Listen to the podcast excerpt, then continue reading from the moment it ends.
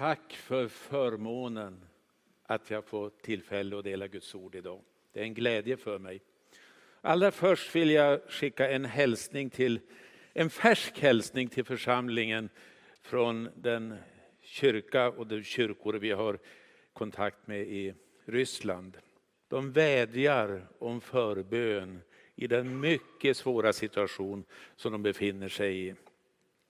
Även ifrån de evangeliska församlingarna så skickas unga män ut i kriget. Och ni kan ju förstå vilken smärta det är. Arbetslösheten stiger, folk har det svårt. Man söker sig till kyrkorna för att få hjälp, både andlig men materiell hjälp, men det är ju inte så lätt att kunna ge så mycket.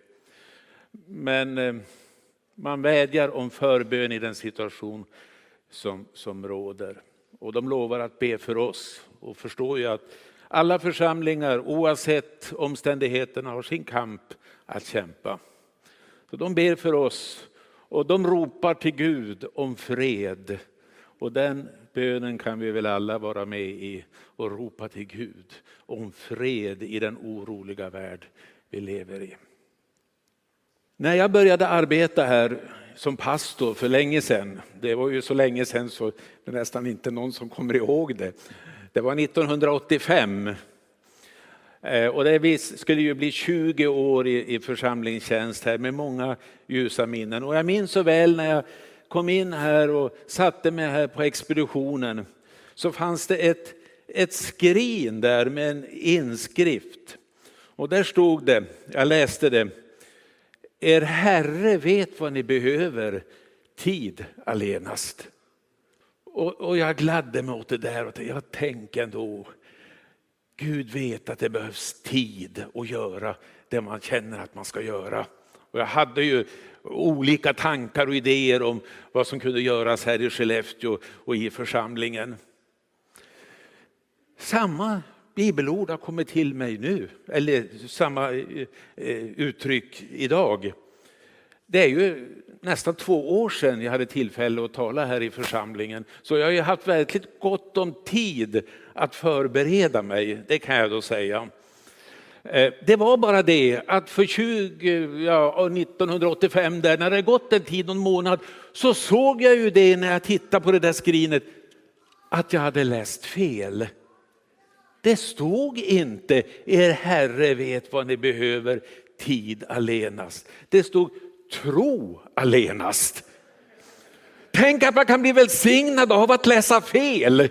Ja, och det är ju sant, tro allenast. Och nu får vi väl tro att det ska bli en riktig helig gudstjänst även här i fortsättningen. Jag vill be en bön. Jesus, tack för den här gudstjänsten. Tack för församlingen Herre. Tack för vad du har lagt på mitt hjärta. Herre, hjälp mig att säga det här på rätt sätt Herre. Och att din heliga ande får vara med, den bästa predikanten som finns. Jag ber dig Jesus, för ditt namns skull. Amen. Ja, det som jag nu kommer att säga det har mejslats fram i mitt hjärta under lång tid. Ibland har Herren påmint mig om någonting dagtid och ibland även nattid. Jag har vaknat och sen har Herren sagt någonting till mig. Det är som han har borrat i det bibelord vi ska läsa, djupare och djupare. Eller för att tala på, med gruvarbetarens språk, en ny nivå. Någonting nytt Eh, någon ny källa, någon ny åder som jag inte har sett förut. Det har varit helt fantastiskt. Och jag har ju predikat över det här ämnet även i andra församlingar i den tid som har gått. Men inför den här gudstjänsten har jag sett saker och ting som jag inte har sett förut. Och det har verkligen varit som Guds ordet säger, att det har kommit en, en ström av levande vatten ifrån ovan och som har landat i mitt hjärta och det har känts väldigt bra. Ni vet ju det, hur det är när man är på gudstjänst. Det kan vara fantastiska gudstjänster. Härlig lovsång och en predikant som predikar som man häpnar. Och, och man är så, vi är så välsignade. Och när vi sen kommer hem och träffar våra nära och kära så frågar de, hur var det i kyrkan? Ja, det var fantastiskt säger vi. Oj, så bra det var. Och så frågar någon, Ja, men vad predikar pastorn om? Ja, ja, det var härligt, det var det. Det var bra, men ja, vad sa han egentligen? Ja, så har det varit för mig i alla fall ett antal gånger. Man kommer inte ihåg så noga. Och är det så att du skulle glömma precis allting jag säger idag, så kom ihåg rubriken för min predikan. Och det är välsignelsen av att kunna ändra sig. Välsignelsen av att kunna ändra sig. Och vi ska läsa ett bibelord ifrån Matteus 21, kanske kommer på skärmen här också, från vers 28 till 31. Det är en av Jesu liknelser. Vad säger ni om det här? En man hade två söner. Han vände sig till den ene och sa, min son, gå ut och arbeta i vingården idag. Han svarade, nej, det vill jag inte. Men sen ångrade han sig och gick. Mannen vände sig till den andre och sa samma sak. Han svarade, jag ska gå herre. Men han gick inte. Vilken av de båda gjorde som fadern ville? De svarade, den förste.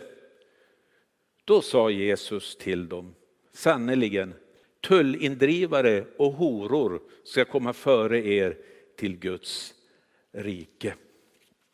Huvudpersonen i den här liknelsen, det var ju den här sonen som ändrade sig. Han sa nej, men så ändrade han sig till ett ja. Och så fanns det ju en annan son också som vi ska uppehålla oss lite vid. Han sa ja, men han gick inte. Och det tredje som min predikan kommer att röra lite grann vid, det var ju uppdraget. Vilket uppdrag hade de här två sönerna? Men allra mest ska vi röra oss omkring den här sonen som sa att han ville ändra sig. Eller han ändrade sig. Jesus var ju vid det här tillfället i templet och undervisade.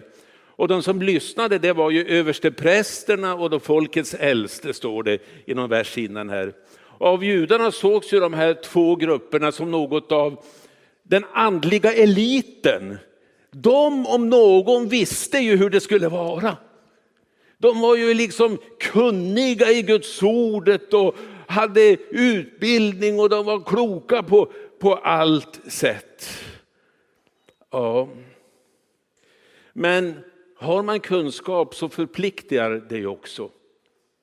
Om man vet hur det ska vara, då ska man ju göra så också. Inte tvärtom.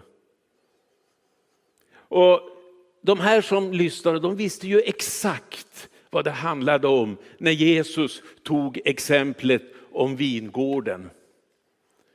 Vindruvorna skulle ju skördas vid rätt tillfälle.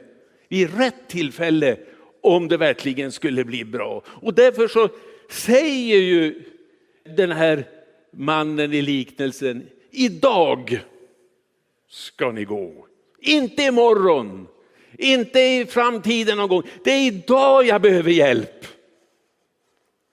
Ja, om Jesus hade levt på våra breddgrader och gått omkring här så skulle han ju inte ha tagit exemplet om en vingård.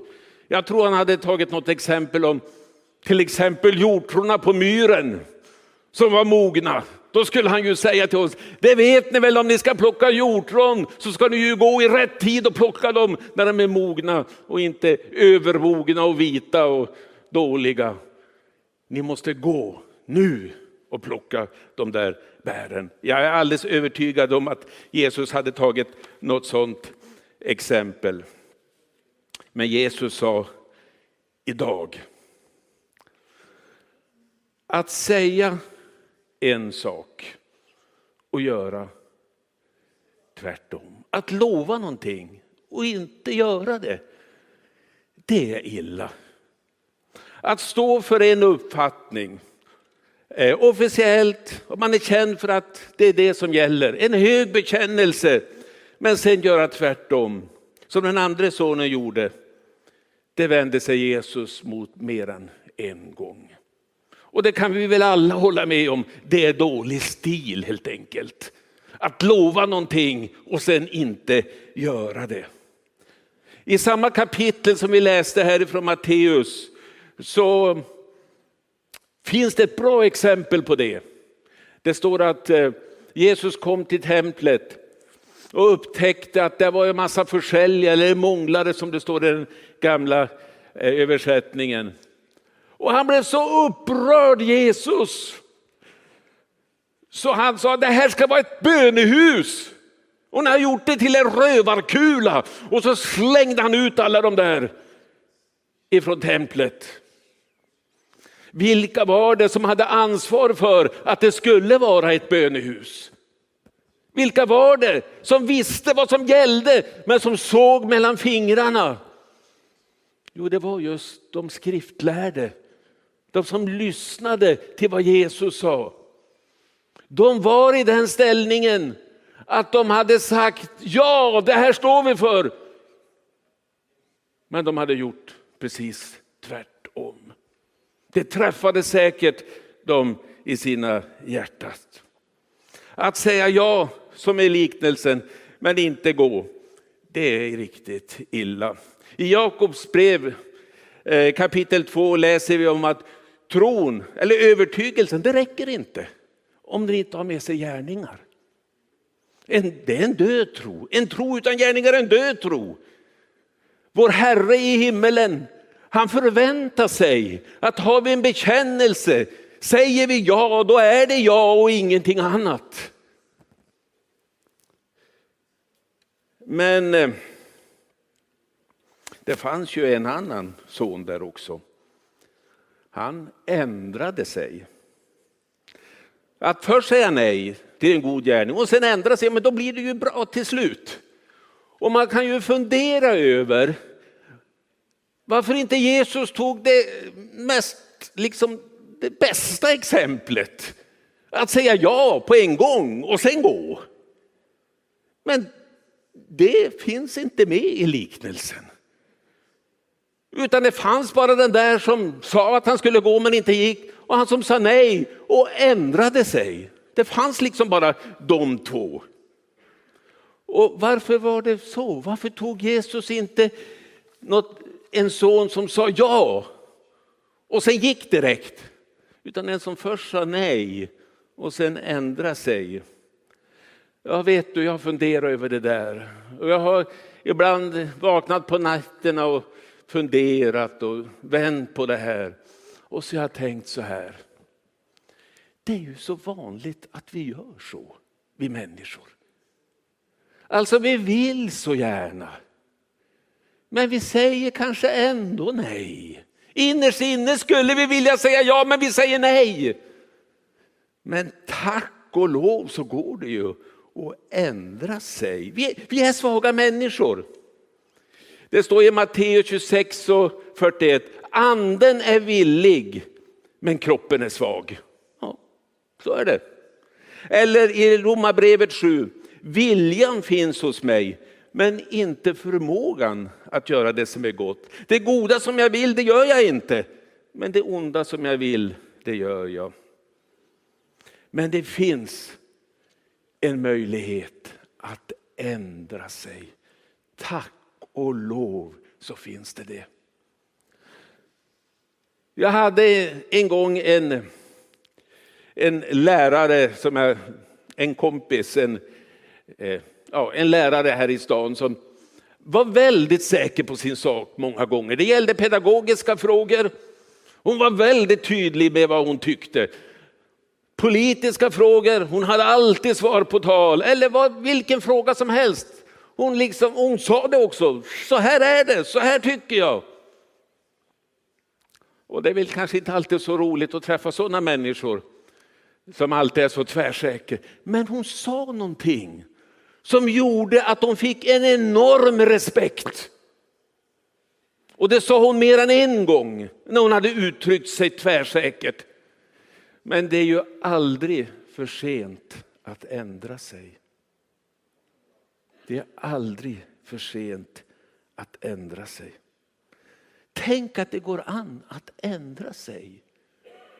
Guds vingård handlade liknelse om. Guds vingård idag, det är ju församlingen. Det är ju vi som sitter här och vi som kanske lyssnar via Youtube. Och det är ju vi som är arbetare i vingården. Visst. Och kanske det har varit så att vi har sagt nej eller kanske och sen vi skulle ha sagt ja, men vi gjorde inte det. Tänk att det går an att ändra sig. Vilken välsignelse.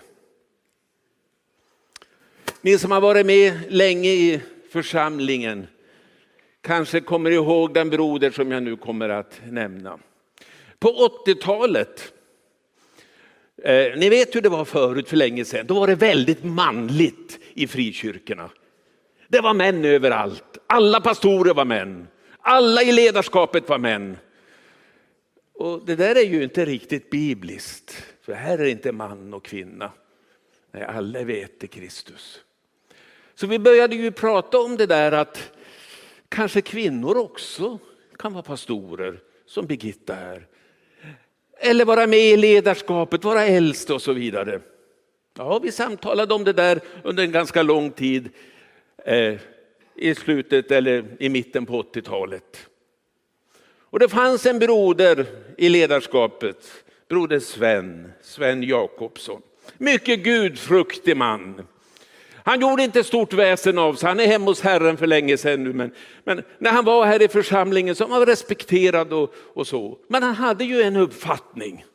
Och det var det, att pastorer det ska vara män. Och de som är med i ledningen, det ska vara män. Det var hans uppfattning. Och, och det, det, det stod han för. Så en söndag, jag minns det så tydligt. Vi var samlade precis som den här söndagen här i kyrkan. Så begär Sven ordet. Han går fram hit till talarstolen, ställer sig här, det var mer bastant variant förut. Och så säger han, den gamle Sven Jakobsson som hade haft en uppfattning hela livet. Jag har ändrat mig. Så stort. Att kunna ändra sig.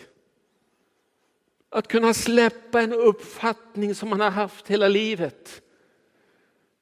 När man känner att det är något annat som är rätt.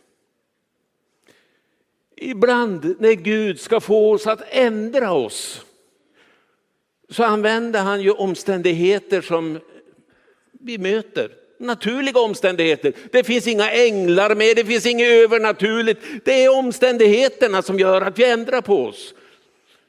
Till exempel när Gud kallade Mose att föra folket ut ifrån Egypten. Mose sa att ja, men jag är ingen talför man. Jag är inte duktig på att tala. Hur ska jag kunna leda folket utifrån Egypten? Det kanske var rätt. Det kanske var så att han inte hade talets gåva. Men då säger ju Herren till honom, du har ju Aron. Du har ju Aron som kan tala. Och då kom allt en helt ny dager. Och Mose kände att han kunde ändra sig. Från ett nej till ett ja. Eller farao där i Egypten som upplevde att den ena olyckan efter den andra drabbade landet. Han hade ju sagt nej, de skulle inte få lämna Egypten. Men till slut så kände han måttet är rågat. Alltså situationen var sån att det var ju inget annat än kapitulera och säga ja, ni får lämna landet. Alltså sån där är Gud ibland. Omständigheterna använder han för att få oss att ändra oss. Och säkert har vi upplevt det lite till mans i våra privata liv. Det som har hänt i våra liv. Att vi har fått ändra oss därför att vi har fått se sanningen i vitögat så att säga. Jag hade liksom inte riktigt rätt. Och må hända har det varit så också i vår församlings historia. Det är inga änglar, det är inga profeter som har talat. Utan omständigheterna har gjort att vi har ändrat oss. Men Gud, Han har en specialmetod skulle jag vilja säga. För att få den som först har sagt nej att säga ja. Den som är liksom inte riktigt på rätt väg att ändra riktning. Vad är det för specialmetod som inte finns i några andra sammanhang, i ingen annan religion, inget annat mänskligt? Jo, han använder sig av Guds ande som talar till våra hjärtan. Det finns många exempel på det i Bibeln. Jag tänker på när det här fantastiska teamet Paulus, Silas och Timoteus i Apostlagärningarna 16 skulle ge sig av upp mot Svarta havet för att evangelisera. Alltså nuvarande Turkiet mot Svarta havet. Fantastiskt bra idé! Men det var inte Guds plan. Och därför så står det att Guds ande hindrade dem. Ja, riktigt hur det gick till vet jag inte, det står inte. Men Guds ande hindrade dem. Och sen vet ju vad som hände. Paulus hade en syn. Han såg en makedonisk man som sa kom över och hjälp oss. Det var alltså den europeiska delen. Och då står det, då förstod vi att Gud hade kallat oss. Guds andes uppenbarelse. Tänk ändå.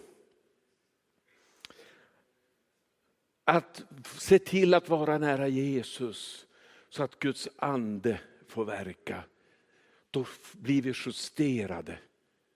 Och tänk att, att det fungerar. Jag tänker på de här Emmausvandrarna. Det står ju att de var lärjungar till Jesus. Det var ju inte bland de där elva. Men det fanns ju många andra lärjungar som följde Jesus nära. De var ju på fel väg. De var ju på väg bort ifrån händelsernas centrum. Trots att de tillhörde, jag skulle vilja säga ledarskapet. Ja, alla kan vi gå lite fel ibland. De var på väg bort. Och så kommer Jesus och följer, följer med dem där. De såg inte att det var Jesus. Inte förrän de låg till bord står det. Och Jesus tog brödet och bröt det. Då kände de igen honom. Och Jesus försvann ifrån deras åsyn. Och så säger de till varandra, var inte våra hjärtan brinnande i oss när han talade med oss på vägen. Hjärtat, hjärtat min vän. Tänk så viktigt det är att lyssna in hjärtat. Och Guds ande kan ju förändra den mest hårda andliga verklighet till någonting annat. Tänk på bara vad som hände 50 dagar senare.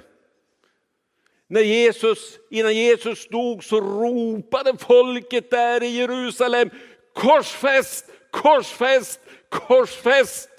Det ekade mellan husväggarna där. 50 dagar senare var det annat man ropade. I samma stad. De kände stygn, var någonstans? I hjärtat. Och frågade vad ska vi göra? Och Petrus besked där var väldigt tydligt. Omvänd er. Ändra er. Omvänd er. Ändra er. Vilken välsignelse det är att vi kan ändra oss. Tänk om det inte hade varit så. Då hade vi varit programmerade robotar som stapplade fram mot ett okänt öde. Men nu har Herren lagt detta i våra hjärtan att vi kan ändra oss. Hela försoningsverket, allt vad Jesus har gjort på korset och för oss vilar på detta att vi små människor kan ändra oss. Det vore ju fel att inte säga någonting av faran och vad kan hända om man inte ändrar sig om Herren talar. Det vore att ta bort en väldigt viktig del av hur det är att leva. Jag tänker på några exempel. Min pappa som nu inte lever längre, han var en ivrig jägare och han drog ut mig på jakt ibland. Och en höstdag när den första snön hade kommit, då sa han till mig, nu ska vi ut och jaga hare, sa han. Ja, jag fick följa med, han hade ingen hund så jag fick vara hund. Ja, så var det. Ja, och harar är det, för er som inte vet det, de gör så att de springer samma slinga hela tiden. Det blir en harstig till slut. Och det där är ju slukt uträknat. Det är ju för att han ska kunna lämna den där stigen någon gång obemärkt. Därför räven som känner vittringen av middag, han springer ju efter den där stigen och sen blir han bortvillat när haren har, har hoppat någon annanstans. Vi såg en sån där harstig. Vi såg också rävspår. Och när vi hade gått, eller jag hade gått en bra bit efter den där stigen, för jag var ju hund och skulle skrämma den där stackars haren. Ja, så såg jag ju att haren hade stannat upp. Han hade valt att inte fortsätta rakt fram på sin upptrampade stig. Han hade stannat upp, satt sig på en tuva. Det syntes väldigt tydligt för att det var liksom, haren hade liksom stampat ner snön på den där tuvan. Och jag liksom riktigt såg framför mig hur haren hade tänkt, om nu harar kan tänka, jag vet inte. Tittat åt ett håll, ska jag hoppa dit? Eller ska jag hoppa dit? Eller ska jag hoppa dit? Han skulle inte ha tagit något av de där förslagen igen. Han skulle ha fortsatt. Han skulle ha ändrat det han hade tänkt.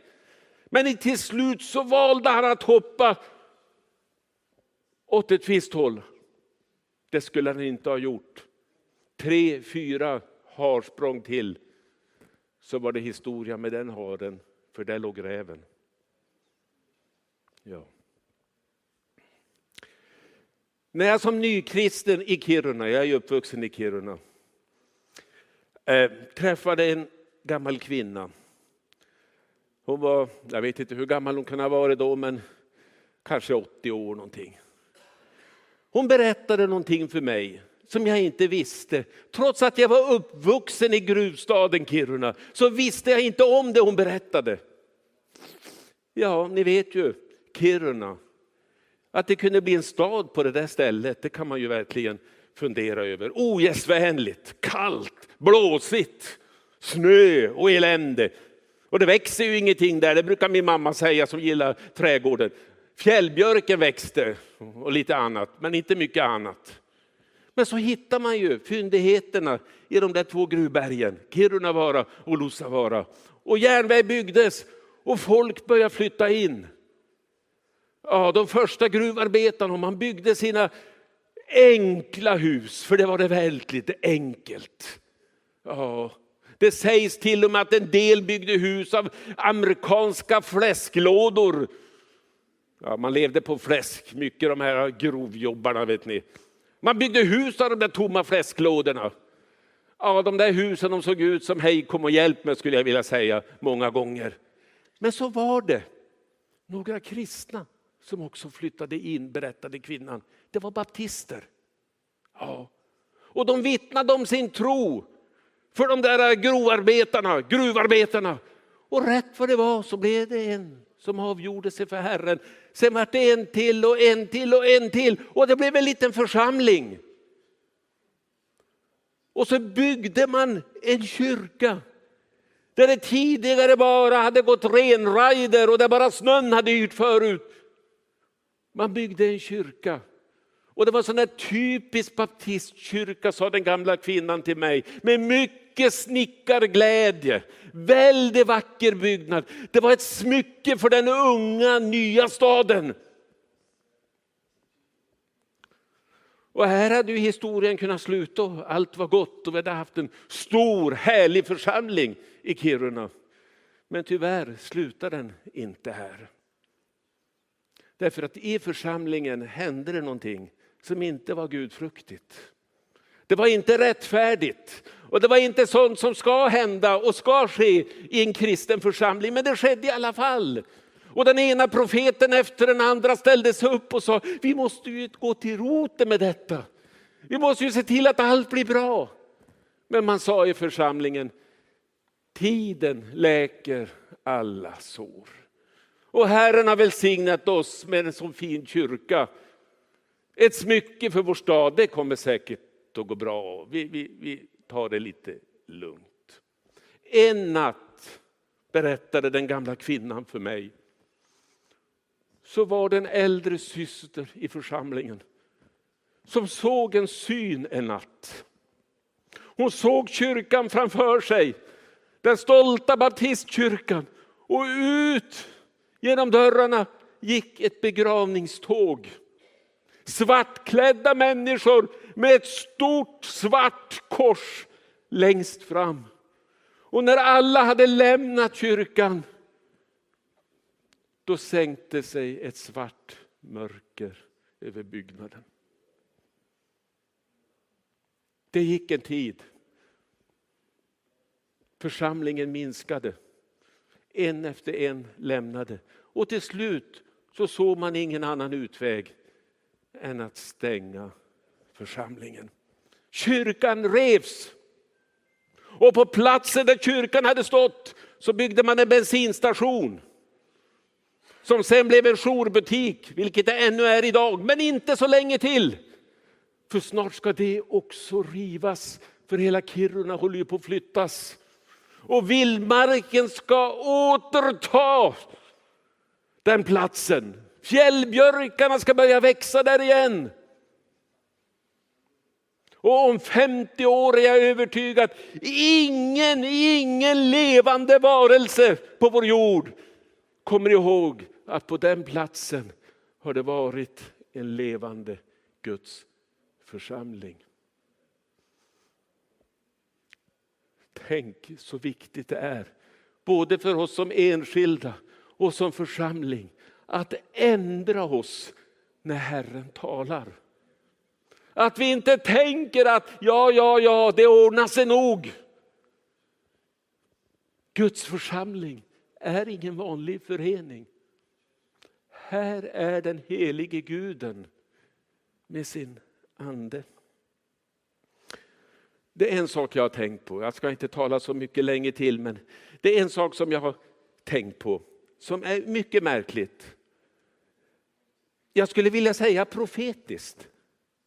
Att teamet valde att jag skulle tala just den här söndagen. Vet ni vad det är för söndag idag? Det är den 6 november. 390 år på dagen från att Gustav II Adolf blev skjuten i Lützen. På dagen är det det. Ja. Och vet ni vad som hände då? Jo, han hade sina medarbetare, fältmarskalker, som avrådde honom från att rida in i dimman. Det fanns en saxisk här i närheten och de sa, kan vi inte liksom vara med dem istället, då blir vi mycket starkare. Men Gustav II Adolf han var nog lite högfärdig. Ja, högmod går före fall vet ni. Han hade ju en häst som han hade betalat tusen riksdaler för. En ofantlig summa för en häst på den tiden. Vanligtvis kunde man köpa 15 hästar för den summan. Det var 20 månadslöner. Och sen gick han ju under ryktet frälsaren ifrån Norden i det 30-åriga kriget. Han var ju en hjälte. Så han ändrade sig inte. Utan han red rakt in i dimman. Och resten vet ni ju.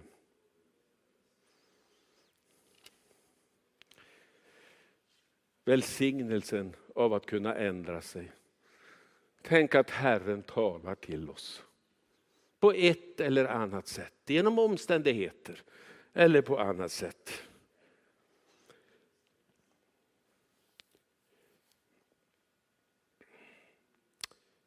Jag har varit med en sak i min ungdom också. En, en praktisk upplevelse av hur viktigt det är att lyssna på hjärtat. Jag var ung Jag var stark höll jag på att säga, men jag var starkare än nu i alla fall. Och jag gjorde saker och ting som jag inte skulle göra idag. Jag gick till exempel ut i fjällvärlden helt ensam. Det skulle jag aldrig göra nu. Jag tycker om att gå i fjällen och fjällvandra.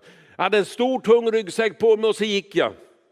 Skulle vara borta fyra, fem dagar och den där ryggsäcken var inte lätt, det ska jag tala om för dig. För där fanns det både fiskegrejer och annat som vägde och mycket mat och diverse tält och sovsäckar och jag vet inte allt vad det var. Ja, jag gick på den där stigen och så kände jag i mitt hjärta, Staffan, det här är fel väg. Först så tänkte jag, nej men det är inte möjligt. Så fortsatte jag. Men tanken gnagde i mitt hjärta. Det är fel Staffan, det är fel. Och ju mer jag tänkte på det där, så den ryggsäck som jag bar, den blev bara tyngre och tyngre. Fast den vägde ju lika mycket, det kändes så. Till slut så kom jag till en punkt då jag kände, nej, den här stigen är fel stig. Jag kommer inte dit jag vill. Och så gjorde jag det enda radikala i den situationen. Jag tänkte inte bara att eh, jag skulle göra någonting. Jag gjorde någonting också. Jag vände om och gick tillbaka. Och mycket riktigt, på ett ställe hade stigen delat sig. Ja, känslan i hjärtat. Förstår du? Hjärtat som Gud talar till. Det ska vi vara rädda om. Och när jag gick in på den där rätta stigen, ja då kom jag ju rätt till slut. Men framför allt, det som fanns i min ryggsäck kändes lättare. Vet du att när vi är på rätt väg, både som enskilda och som församling, då går allting mycket lättare. Då gnisslar det inte. Så är det. Att vända tillbaka. Att verkligen inte bara tänka att man ska göra det. Så var det ju för sonen, den där förlorade sonen ni vet, han som gav sig iväg till främmande land. Och han kände att men pappa har ju mycket bättre hemma. Han tänkte inte bara. Han vände på klacken och gick hem. Ja, det är viktigt. Men vad skulle den här sonen i liknelsen göra när han sa ja? När han ändrade sig? Skulle han ha en stilla hemmakväll eller hemmakvällar och ha det mysigt med sin pappa? Nej du. Han skulle kavla upp armarna, ärmarna och så skulle han ge sig ut i vingården och så skulle han skörda. Det var ju det som var kallelsen. Ja, vad är vår uppgift? Vad är församlingens uppgift? Vi sjöng tidigare i en sång. Gå, gå, skörde man gå. Ska bärga skörden in. Nu har vi ju ändrat i sångboken så det går, gå, sådings man. Men vi får ju ändra hur mycket vi vill i våra sångböcker. Herrens uppdrag är glasklart. Den här församlingen, vår församling är till för att skörda e- för evigheten. Och om vi nu känner att vi på darrande ben må hända ändrar vårt nej till ett ja, jag vill ställa mig i ledet i det här viktiga uppdraget. Finns utmaningarna där? Idag så finns det minst tusen barn i varje årskurs. Det finns tusen tolvåringar ni vet tolvåringarna det är den ålder där de flesta börjar tänka om de stora livsfrågorna. Det finns tusen Skellefteåbarn i den åldern. Var finns visionen? Var finns uppgifterna? Om jag nu skulle säga ja och gå in för att rädda dessa barn. Eller om jag skulle säga detsamma om alla ungdomar i vår stad de nyinflyttade ifrån alla möjliga länder. Var finns de praktiska, riktiga uppgifterna att ta sig an? För det är ju skörden det är frågan om. Det är inte hjortronen nu heller. Och det är inte vin, de där vindruvorna. Det är människorna det gäller. Och det är idag, det är inte imorgon, det är inte nästa år, det är nu. Var finns, var finns uppgifterna? Var finns uppgiften att nå de slumrande i medelåldern? Alla Skelleftebor som står på tröskeln till det eviga. De kan räddas i sista sekund och ryckas in i himlen. Var finns uppgifterna? Jag frågar bara. De kanske finns, men låt oss se dem tydligt. Jag bollar den vidare till vårt ledarskap eller till de som håller på med sånt. För om jag nu svarar ja, jag ändrar mig, så måste ju de här uppgifterna finnas. Om Guds ande, Guds ord eller omständigheterna får mig att ändra mig som sonen i liknelsen så måste det ju finnas praktiska uppgifter i detta viktiga som är vårt för vår församlingsuppdrag. Amen. Jesus, du vet vad jag har försökt säga här idag, Herre. Du har lagt det här på mitt hjärta, Herre, och det är med stor bävan som jag, som jag har talat det här, Herre. Jag lämnar nu det här både till dig, Herre, och till varje lyssnare att fundera, ligger det någonting i vad Saffan talade om idag? Jag ber dig, jag ber om välsignelse över vår församling, Herre. Jag ber om välsignelse i vårt stora uppdrag, Herre. Att bärga skörden in, Herre. Herre, låt oss alla vara skördemän på olika sätt, Herre. Jag ber dig, Herre, låt oss alla känna att det finns riktiga uppgifter, viktiga uppgifter, konkreta uppgifter när vi ställer oss i ledet så vi inte hamnar i något ingenmansland där det inte finns något att göra. Herre, jag ber dig i Jesu dyra namn. Amen.